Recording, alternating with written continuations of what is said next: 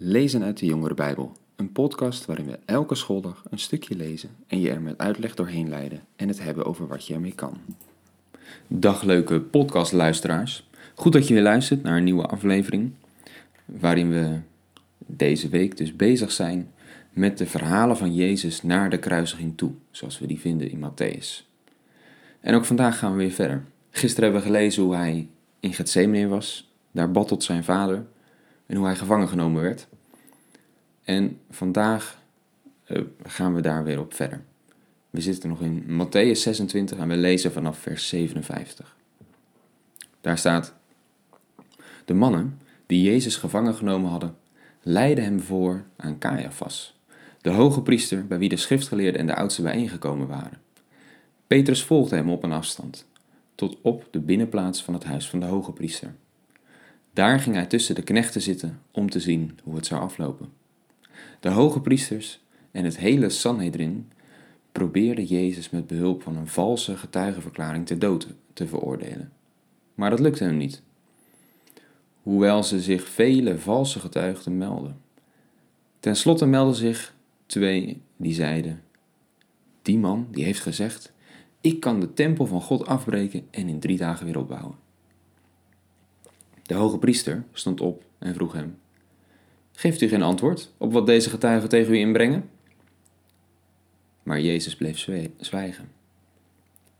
De hoge priester zei: Ik bezweer u bij de levende God. Zeg ons of u de Messias bent, de Zoon van God. Jezus antwoordde: U zegt het, maar ik zeg tegen u allen hier: Vanaf nu zult u de mensenzoon zien zitten aan de rechterhand van de machtige en hen zien komen op de wolken van de hemel. Hierop scheurde de hoge priester zijn kleren en hij riep uit: Hij heeft God gelasterd. Waarvoor hebben we nog getuigen nodig? U hebt nu zelf zijn godlastering gehoord. Wat denkt u? Ze antwoordden: Hij is schuldig en verdient de doodstraf. Daarop spuwden ze hem in het gezicht en sloegen hem. Anderen stonden hem en zeiden: Profiteer dan maar eens voor ons, Messias. Wie is het die je geslagen heeft? Ja, Jezus wordt dus naar het Sanhedrin gebracht. Dat was eigenlijk een soort van vergadering van de leiders van het volk. Dat waren schriftgeleerden, dat waren oudsten die ook uh, leiders waren. Sadduceeën, een andere groep met uh, geleerden van, het, van de wet van het Oude Testament. Die bij elkaar, die deden alle beslissingen die zij nog zelf mochten maken van Rome. En daar werden ook rechtszaken gedaan. Zoals Jezus hier. En ze proberen hem dus te vangen met allerlei valse getuigen. En tenslotte is de vraag of Jezus hun Messias was. Ja, wat is dat hè, Messias? Misschien ken je het woord wel en wij gebruiken het een beetje in de betekenis van redder. Als iemand je Messias is, dan is dat iemand die jou redt ergens van. Het komt eigenlijk van een Hebreeuws woord dat gezalfde betekent. Misschien weet je dat nog wel van verhalen uit eh, de zondagschool. Dat bijvoorbeeld toen David koning werd, kwam Samuel naar hem toe en die zalfde zijn hoofd met olie. En dat betekende dat God die David had uitgekozen om hem te dienen, om koning te zijn. En dat gebeurt dus vaker. Koningen in eh, het Oude Testament worden vaak gezalfd als teken van dat ze door God uitgekozen zijn. En ook priesters die worden geregeld met olie gezalfd omdat ze uitgekozen zijn.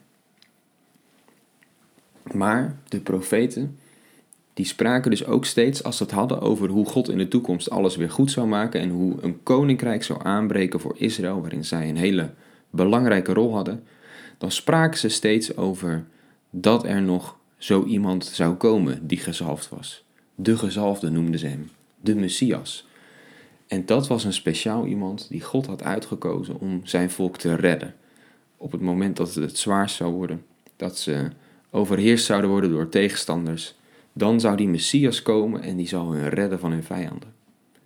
En in de tijd van Jezus leefde die verwachting heel erg. Ze werden onderdrukt door de Romeinen, ze hadden het zwaar En iedereen keek uit naar dat moment dat die voor, voorzegde Messias, die voorzegde gezalfde, door God uitgekozen om hun te redden, dat die zou komen. Dus eigenlijk, als Jezus de Messias zou zijn, zouden ze daar blij mee moeten zijn. Maar in plaats daarvan zien ze het als een teken om hem ter dood te kunnen veroordelen. Want het was God lastig dat deze man beweerde die voorzegde redder te zijn die zou komen. En ze voegen er ook nog aan toe dat hij zichzelf de zoon van God zou noemen. Ironisch, want het is eigenlijk waar natuurlijk. En toch was het voor hun een reden om hem ter dood te veroordelen. Laten we nog een stukje verder lezen. Petrus zat buiten, op de binnenplaats.